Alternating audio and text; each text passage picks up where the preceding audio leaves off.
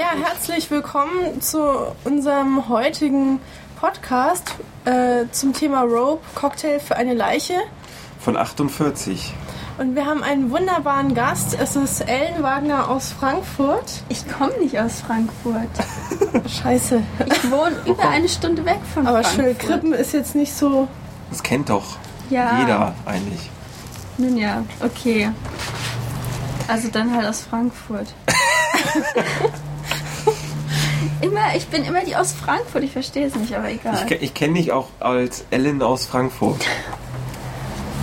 Aber ich, ich, bin in Bayern geboren, das möchte ich an dieser Stelle betonen. Ob man das so gerne Moment, betonen möchte. nicht. Ich bin gar nicht in Bayern geboren. Mist. Aber ich wohne in Bayern. Okay, Ja, zur wir, Sache. wir, wir, wir, wir freuen uns natürlich, dass du da bist und äh, das ist so unsere, unser erster offizieller Gast, den wir hier einladen. Darüber freuen wir uns sehr.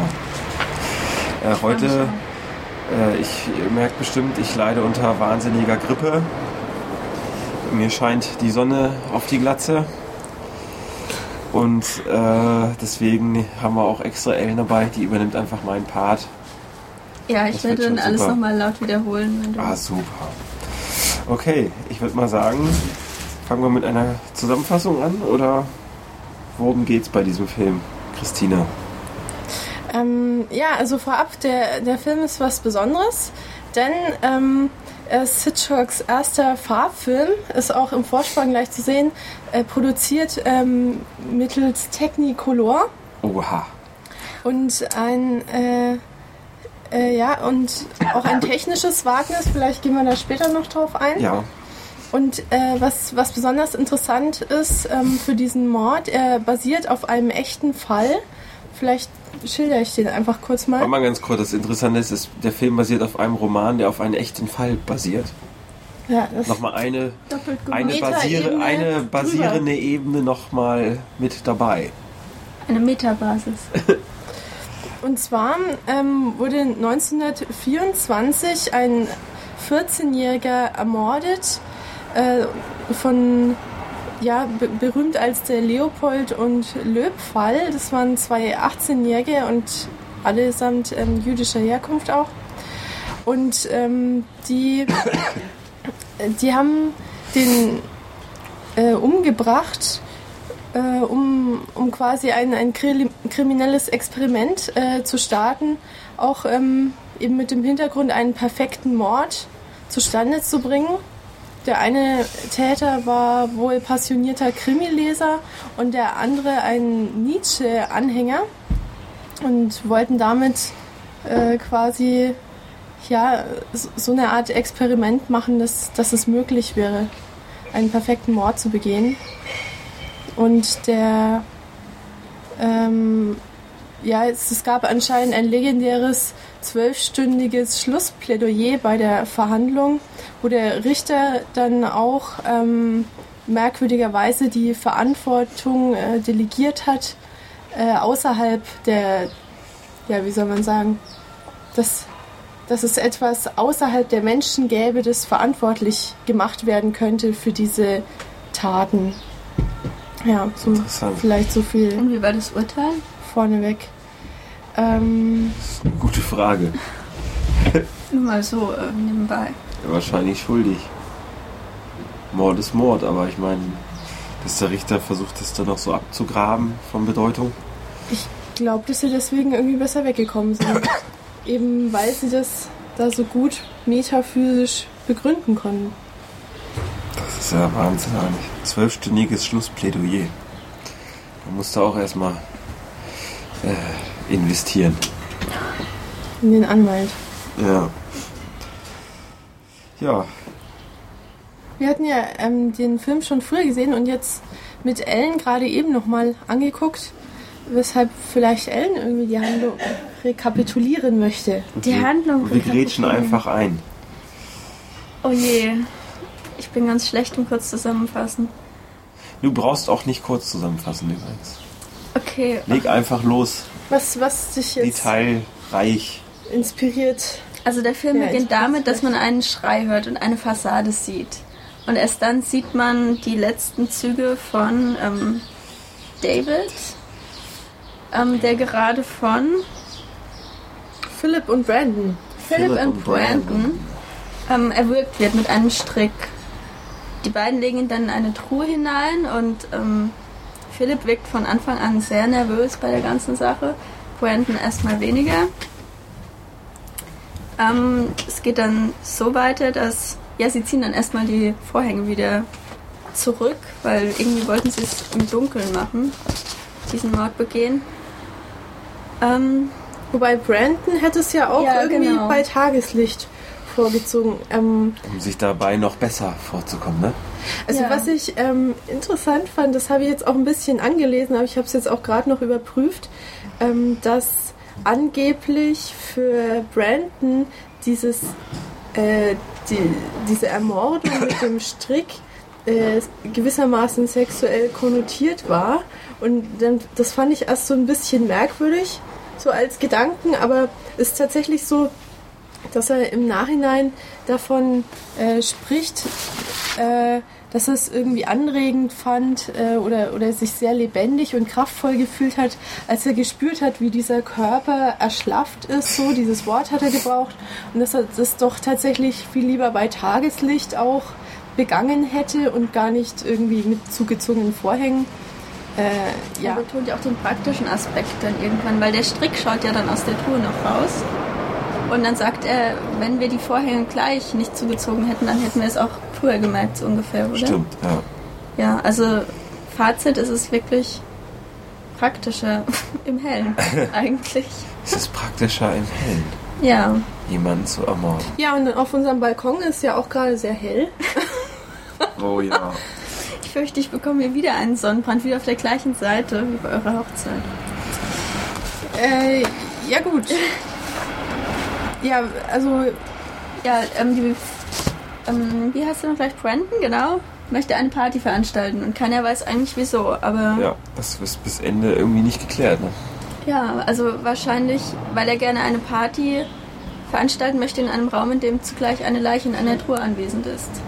Genau, haben wir überhaupt schon gesagt, dass er in der Truhe versteckt wurde? Ja, habe ich gesagt. Okay. Also er ist in einer Truhe versteckt. David. Und äh, er zelebriert das sogar so, dass er das Buffet für diese Party auf dieser Truhe äh, serviert. Was natürlich sehr verdächtig ist, weil eigentlich ist schon alles gedeckt im Speisezimmer. Genau. Ja, vielleicht nochmal zum Hintergrund. Also wir befinden uns eigentlich quasi den ganzen Film lang in diesem New Yorker Apartment, Genau. das von den beiden offensichtlich oder ja eigentlich bewohnt wird, was auch die Theorie in mancher Literatur aufgeworfen hat, dass es sich um äh, Homosexuelle handelt, wurde dann aber auch wieder in Frage gestellt Ach, an ja. manchen Punkten. Es ist trotzdem, aber es gibt viele Sachen, die darauf hinweisen. Deswegen ist das alles sehr. Die Alternative wäre zwei beziehungsunfähige Junggesellen. die in einem Schlafzimmer schlafen. In Zusammen. getrennten Betten vielleicht. Und zusammen Oder in einem Urlaub Stockbett. fahren. Ich glaube, es ist ein Stockbett. Ja, es ist natürlich gut möglich, dass sie auch Okay. mehr als eine tiefe Freundschaft verbindet.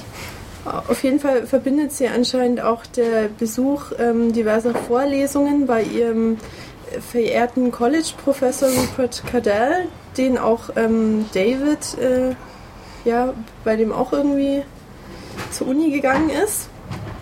Und die, eben dieser College-Kamerade wurde, wurde ermordet. Und ja, und was vielleicht eben der wesentliche Hintergrund ist, das erfährt man dann so nach und nach, dass es sich, äh, dass es eben auch darum geht, dass, dass dieser Professor eben öfters mal proklamiert hat oder sehr stark die These vertreten hat, dass ähm, vor allem privilegierte Menschen dafür prädestiniert sind, einen Mord zu begehen. Ja, oder er das die Moral vor, das ist, dass die keine Moral brauchen. Ne? Dass, dass sie quasi dem Volk so weit überlegen Dass sind. sie diese die, die, die, die dummen Menschen brauchen halt einem, ein Moralsystem, um zu leben. Und bei den Höhergestellten ist es die Eingebung, oder? Ja, Also in, die brauchen es jedenfalls nicht von außen gesetzte Regeln. leider kenne ich mich mit Nietzsche nicht so gut aus, äh, weil ja die Szene auch kommt, wo ihm vorgeworfen wird, er sei, er vertrete diese Übermensch-Theorie von Nietzsche. Der Leviathan, oder war das doch? Auf jeden Fall äh, unter den Gästen äh, befindet sich zu dieser Party, die gleich anschließend stattfinden, befinden sich äh, der Vater von dem Ermordeten, seine Tante, seine Verlobte, äh, seinem damaligen besten Freund, dem er die jetzige Verlobte ausgespannt hat. Äh, der, der, Professor. der Professor, Die Haushälterin? die Haushälterin und genau, und die beiden Mörder.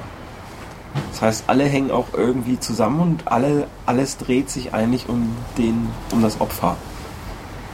Nun ja, ja, weil das Opfer nicht kommt.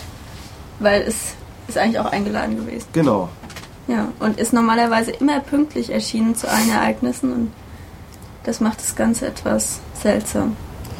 Und diese, dieser ganze Film spiel, spielt sich halt, wie gesagt, in diesem Apartment ab. Und äh, es geht, dreht sich halt nur um diese Party halt. Und äh, es gibt halt manche Ungereimtheiten. Zwischendurch kriegen sie auch sofort halt Panik. Manche, die, die, die, der Vater zum Beispiel, der weiß halt irgendwie, der kommt immer pünktlich. Es muss was passiert sein. Ich meine, heutzutage, wenn mal jemand nicht pünktlich kommt, eine Stunde zu einer Party, das ist halt gar nichts oder so. Aber bei dem ist es halt so ungewöhnlich, dass sie gleich die Verdacht ähm, Verdacht irgendwie hervorbringen und die und alle anderen halt auch irgendwie, vor allem der Rupert, merkt, wie nervös diese beiden halt irgendwie sind und sich manchmal auch so ein bisschen verhaspeln. Und der Brandon durch so kleine, äh, ich sag mal, so, so kleine ähm, Unachtsamkeiten? Nee, oder? aber auch, ich glaube, das will er ja. So, dass Ja. halt irgendwie zum Beispiel verkaufte dem Vater des Mordopfers ein paar Bücher und wickelt die dann halt in dem Strick, mit dem er den seinen Sohn umgebracht hat. Ja, es fängt ja auch schon damit an, dass er ähm, seine Ex-Freundin, die wiederum die Ex-Freundin Ah, seines Freundes ist und die Verlobte des gerade ähm, Ermordeten. Ermordeten, ähm, mit den Worten begrüßt, dass. Nein, Moment, andersrum. Er begrüßt seinen Freund, der der Ex-Freund dieser Verlobten ist, mit den Worten, dass er wieder, ähm, dass er glaubt, dass er wieder Chancen bei ihr hat. Ja, weil der, weil- wie haben sie sich ausgedrückt? Er ist aus dem Rennen. Weil David, David ist, aus, ist dem jetzt Rennen. aus dem Rennen. Stimmt ja auch irgendwie. Also auf jeden Fall ganz bizarr, dass er immer wieder ähm, eigentlich Hinweise einstreut, so als müsste man vermuten, dass er eigentlich auch gern entdeckt werden würde oder sich so überlegen fühlt, dass es gar nicht möglich wäre, ihn zu entdecken, auch wenn er sich so auffällig benimmt. Und das, äh, was mir auch aufgefallen ist, dass eigentlich sehr oft während der Party eigentlich über Mord gesprochen Ja, wird, immer stimmt. wieder. Ähm, also direkt so als Gesprächsthema, aber auch ähm, in so Anspielungen und Vergleichen. Also zum Beispiel ähm, so, fallen so Sätze äh, wie, ach, dafür könnte ich dich jetzt erwürgen. Oder ähm, nein, ich kann schweigen wie ein Grab. Und Und natürlich die Hühnergeschichte. Die Hühnergeschichte, wo der, äh, wie heißt der zweite, Philipp? der Philipp auch ausrastet, weil der Brandon erzählt dann eine Geschichte, wie der Philipp in seiner Kindheit äh, nichts lieber getan hat, als Hühner zu erwürgen. Vielleicht musste es er auch tun. Also, kann ja sein, dass die. Und es zu einem Riesenstreit kommt, Ja. weil der Philipp halt ausrastet, dass er das jetzt erzählt. Aber eigentlich alle wissen, dass es halt wirklich so ist. Ja, und er, er sagt dann, er, das stimmt überhaupt nicht, er hat noch nie ein Huhn umgebracht. Und es wird ihm dann auch im Laufe des Abends von dem Professor Nochmal vorgeworfen. immer vorgeworfen, warum er denn jetzt schon wieder lügen würde. Und jetzt könnte er es doch irgendwie sagen. Und er soll doch einfach sagen, wenn es ihm unangenehm ist, aber nicht sagen, dass es nicht stimmt. Ja, und was auch äh, in diese Reihe passt, ist, dass am Anfang ziemlich viele Vergleiche kommen von Mord und Kunstwerken. Stimmt. Also der Mord als das ultimative Kunstwerk. Ähm, es hängen ja auch relativ viele Kunstwerke so in der, Bild, äh, in der Wohnung, so Zeichnungen. Von naiven Künstlern. Von, Genau, ein Amerikaner mit einem eher naiven Bild. Dann eine Skulptur habe ich auch gesehen. Mord Genau. als schöne Kunst betrachtet. Und dass er quasi auch immer wieder so seinem Kunstwerk noch den letzten Schliff verpasst. Und äh, Ist ja immer wichtig, die Präsentation des Ganzen. Ja. Ist ja eigentlich wichtiger als das Ja, Werk da, selbst. damit hat er es ja dann gepackt, indem er da die, diese Truhe benutzt. Als, ähm, ja stimmt, das haben wir auch notiert irgendwo. Ähm, das ist es quasi wie als ähm, festlich geschmückter Altar Ja. betrachtet und ähm, Für das Speisen Opfermahl. für das Opfermahl da drauf dekoriert. Also sozusagen eine frühe Form der Installationskunst. Ja, gibt's Das- da nicht diese Künstlerin, die mal dieses Leichenwasser irgendwie benutzt? ja, Theresa Margolis. Ja. Genau. Wobei es ist eigentlich eher schon mehr so ein Happening-Charakter. Leichenwaschwasser. Oder auch ein Oder nee, Environment, genau, ja. die Überreste des Happenings. Oder der Performance. Ja gut, das führt zu weit, glaube ich. Und dann gibt es da noch ähm, diese kleine Szene, ähm, wo diese äh, Tante, die mitgebracht wurde, die auch ein bisschen so esoterisch oder horoskopmäßig unterwegs ist, ähm, dann, ich, ich glaube, da ruft sie gerade irgendwie aus, ach David, irgendwas. Und dann sich Philipp äh, vor Aufregung mit dem Glas in die Hand schneidet und dann plötzlich so blutige Hände hat. Oder vor Wut das zu zerdrückt oder vor Angst. Ich, Sie, Oder ver sie verwechselt ihn im ersten Moment mit David. Und das nee, das ist der Ken. Den Ken verwechselte. Wirklich? Nee. Aber auf jeden Fall ruft sie irgend. Ja, doch, ich glaube, sie ruft Schon. David. Ach, David. Und er ähm, blutet dann plötzlich, der, der Philipp. Ach so, okay. Und was dann auch interessant ist, sie äh, meint ja, sie, ach, zeig doch mal deine Hände. Ich könnte hier irgendwie ein bisschen so Horo Horoskop lesen da draus. Ach ja. Und, und meint dann, ach, du hast so wundervolle Künstlerhände. Und Philipp ist dann so ganz äh, schockiert und betrachtet Sie so seine Finger Finger. einbringen in der Ja, nächsten vor- Zeit. ja, Mit, Ja, weil er mit den Fingern gerade eben noch diesen Mord so. eigentlich Das, äh, begangen hat. äh, sie sagt sogar, äh, diese Hände werden dich berühmt Genau. machen. In allernächster Zukunft. Ja. Ja. Ach, und dann äh, fällt mir noch ein, dann gab es irgendwann noch, als, als alle am Buffet stehen und es geht, glaube ich, gerade ums Tranchieren, wird dann nochmal so eine Geschichte von der verschwundenen Braut auch noch Die losgelassen. Lieblingsgeschichte von Brandon in seiner Kindheit. Ja, die hat er immer seinen Kommilitonen erzählt.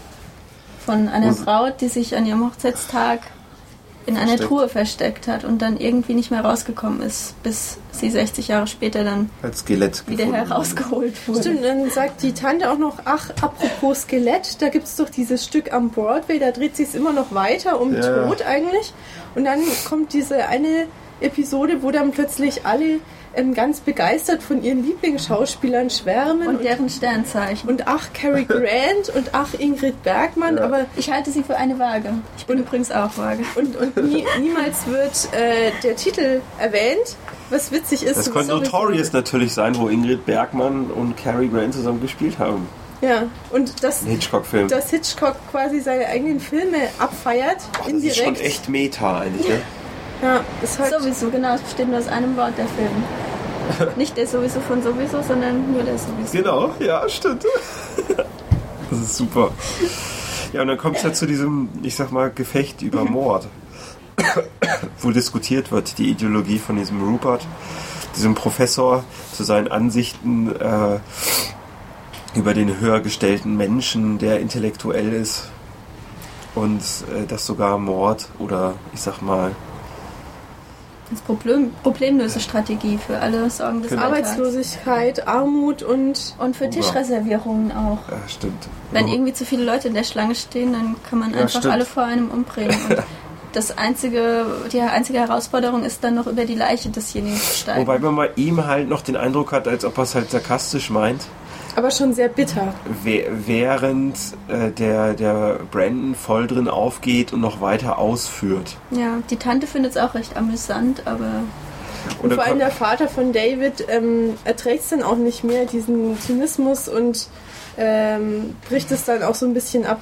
Weil es ging dann noch weiter über, ach ja, dann müsste es äh, so eine Art Jagdzeit geben mit Abschusstag und Strangulierungswoche und das Die Strangulierung. ähm, ja, als ob es wie so eine Verabredung auf einem Landsitz zum Jagen wäre.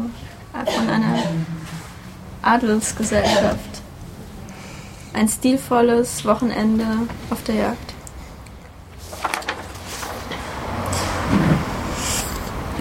ja, genau. So, was passiert als nächstes? Ja, eigentlich die Party geht immer weiter. wird irgendwie aufgelöst, indem äh, der Vater und die Verlobte und die Tante äh, fluchtartig die Party auflösen, weil sie nach Hause wollen, um halt David zu suchen. Ne? Ähm, sie wollen eigentlich die Mutter beruhigen, weil die Mutter, Ach, stimmt, ja, die ja. wegen Grippe zu Hause geblieben ist, ähm, hat sich inzwischen auch schon Sorgen gemacht und überall angerufen und hat nirgendwo irgendwelche Informationen auftreiben können und ja, sie wollen sie natürlich dann nicht alleine lassen und machen sich Sorgen um David. Wahnsinn.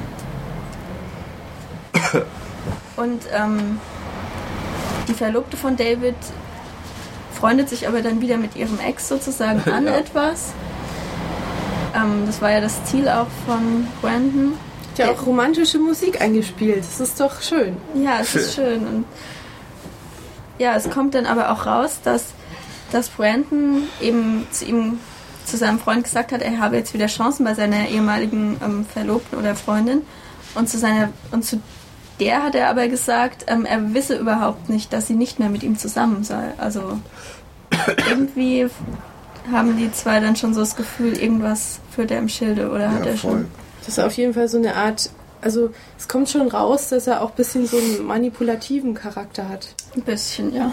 Und, äh, und auch einmal fällt, also es, es geht, irgendwie geht es auch immer ein bisschen um Freud und die Psychoanalyse. Also einmal fällt auch der Satz, ach ja, Freud hat doch auch gesagt, es gibt für alles einen Grund. Und da äh, hakt dann auch dieser Rupert Cadell eigentlich immer ziemlich nach und äh, nimmt dann einmal auch Philipp quasi ins Verhör, als er am Klavier spielen ist und merkt eigentlich, dass er immer nervöser wird, immer ähm, mehr sich bedrängt fühlt und auch immer mehr Alkohol trinkt. Oh ja. Und ich glaube auch, dass er wirklich ähm, lieber im Dunkeln bleiben möchte, weil er ja auch zum einen, dass man den Vorhängen hat am Anfang und dann auch diese, also wie der Professor dann ihm die Lampe anschaltet beim Klavierspielen, wie er dann gleich meint, das würde ihn blenden, obwohl das eigentlich nicht wirklich so eine Blendelampe ist. Stimmt. Vielleicht ist ihm das dann auch einfach unangenehm, weil er es einfach nicht ertragen kann, im angeleuchtet zu werden und im Hellen zu sein. Wie so ein Verhörlicht. Genau.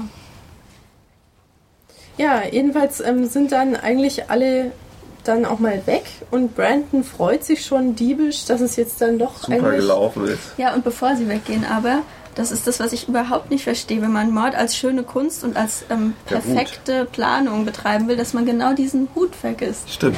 Es gibt die Szene, wo dem Rupert der falsche Hut gereicht wird und es ist genau dieser Hut von diesem David, von dem Mordopfer. Weil nämlich die Initialen drin Da sieht er die Initialen. Du müsstest eigentlich jetzt an dieser Stelle auch diesen Hut tragen. Er Eigentlich doch schon, auch. ja. Hutkäppchen.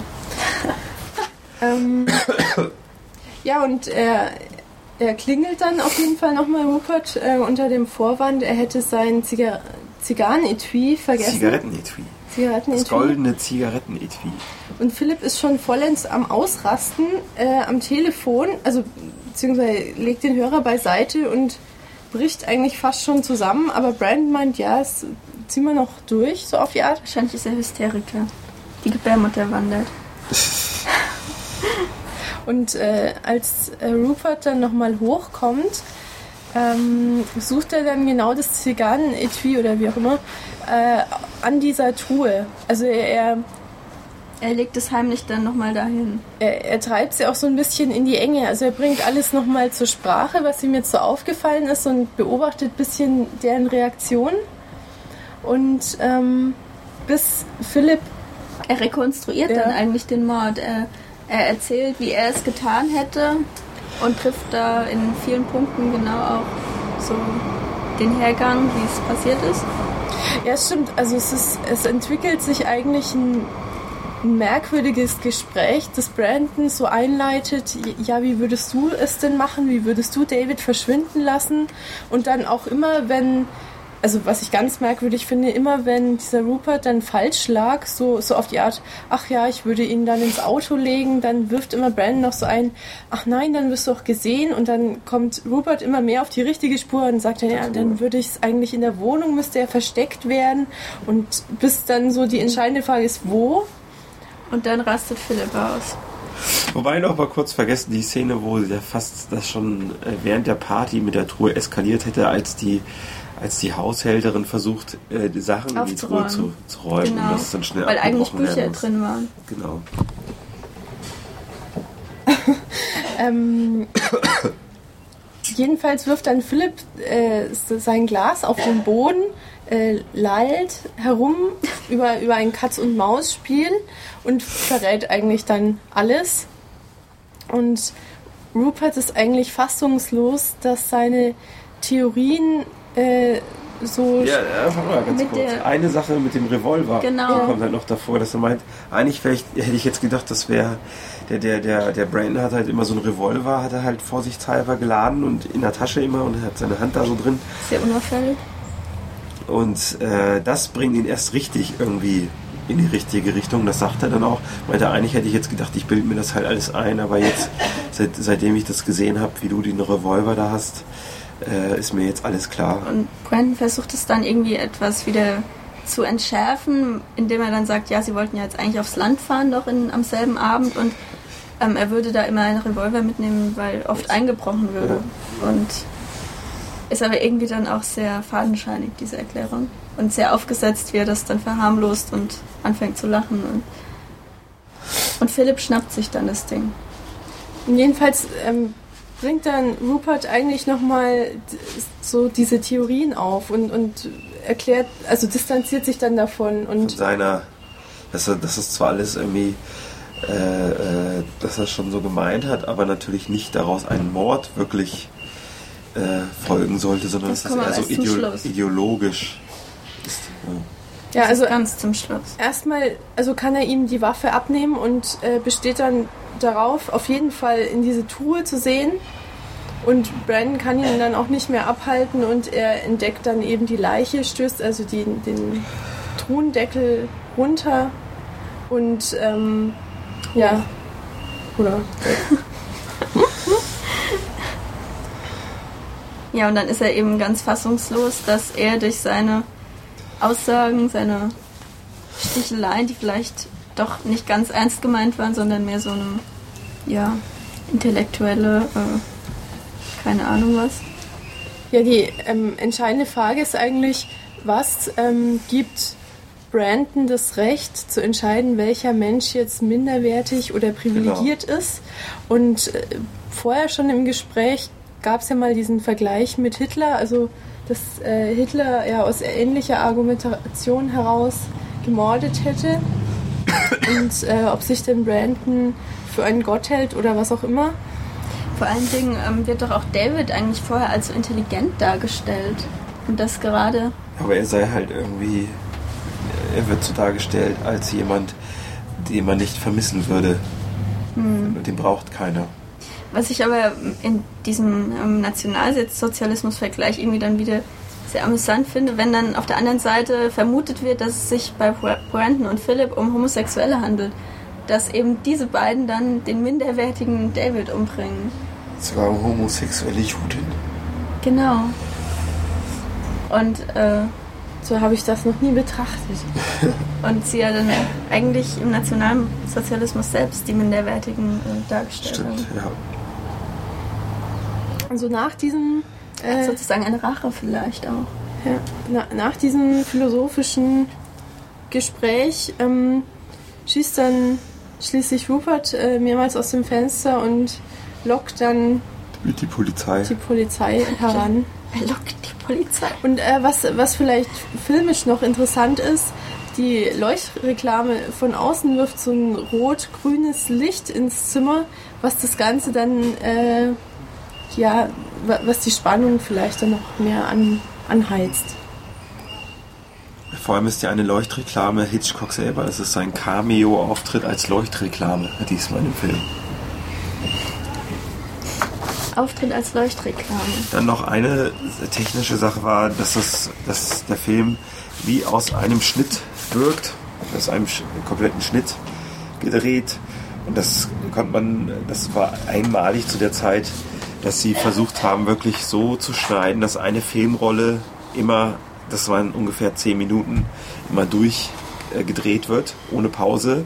Und dann wird immer auf irgendeinen Gegenstand oder Zum auf Beispiel einen. der Rücken von irgendjemandem, Ja, genau. der schwarze Sakko dann. Und dann wird da wieder geschnitten, als ob es halt niemals einen Schnitt gab. Ja, also es, ich habe auch erst mal ein paar Minuten dann so, äh, Moment mal, hm? Wo war jetzt der Schnitt? Ja. Habe ich den jetzt schon wieder verpasst, wie ich irgendwie zur Maus geguckt habe?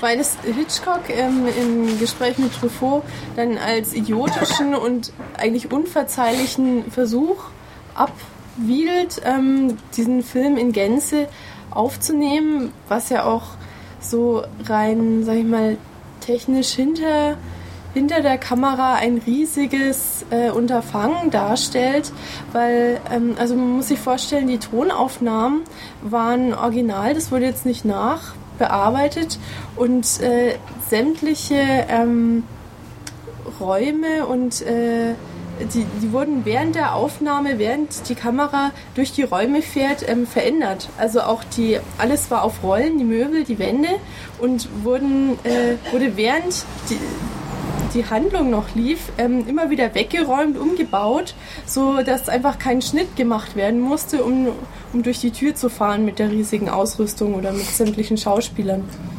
dadurch hat man wirklich diesen Effekt, dass es halt wie so ein Abend ungeschnitten irgendwie widerspiegelt, wirklich von Anfang bis Ende. Oder, oder ja, so ein genau. Theater, Bühnenstück. Ja, wobei selbst da ja oft so ein Break irgendwie drin ist.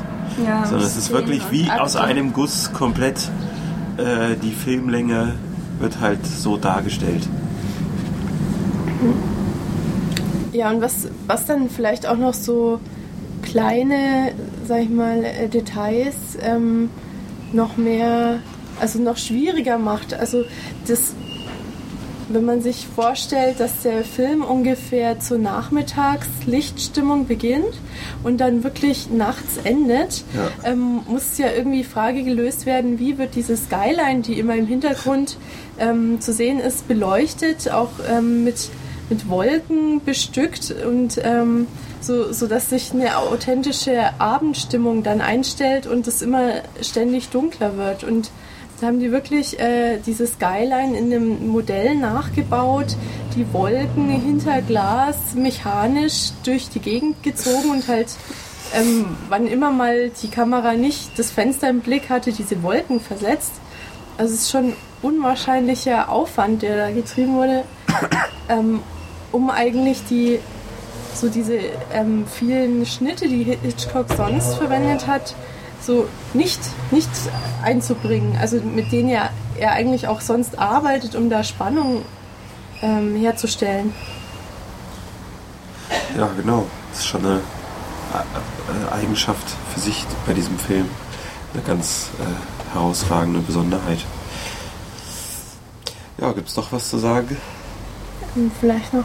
Äh ja, kurz zum Ton. Also was, was vielleicht noch eine so Finesse war, er hat da auch sehr viel Wert drauf gelegt, dass zum Beispiel diese Sirene am Schluss, die man dann hört, nicht vom Tonband kam, er hätte es ja auch einspielen können.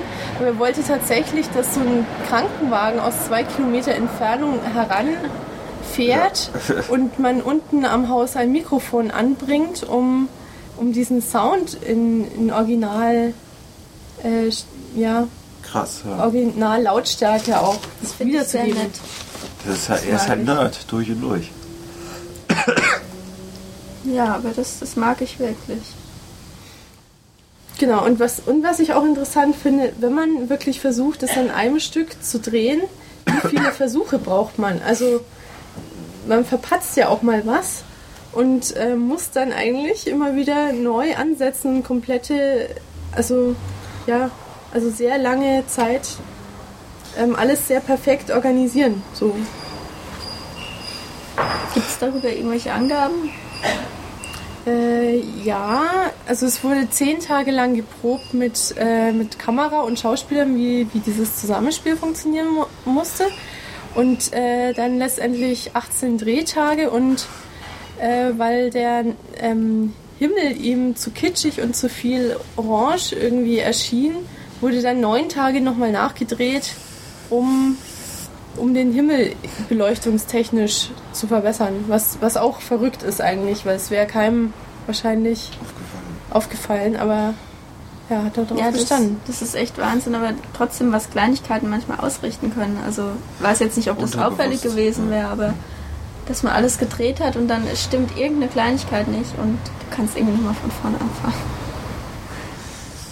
Ja, ich denke mal, Ja, damit sind wir mit unserer Special Guest draußen und mit Edition. Videofolge.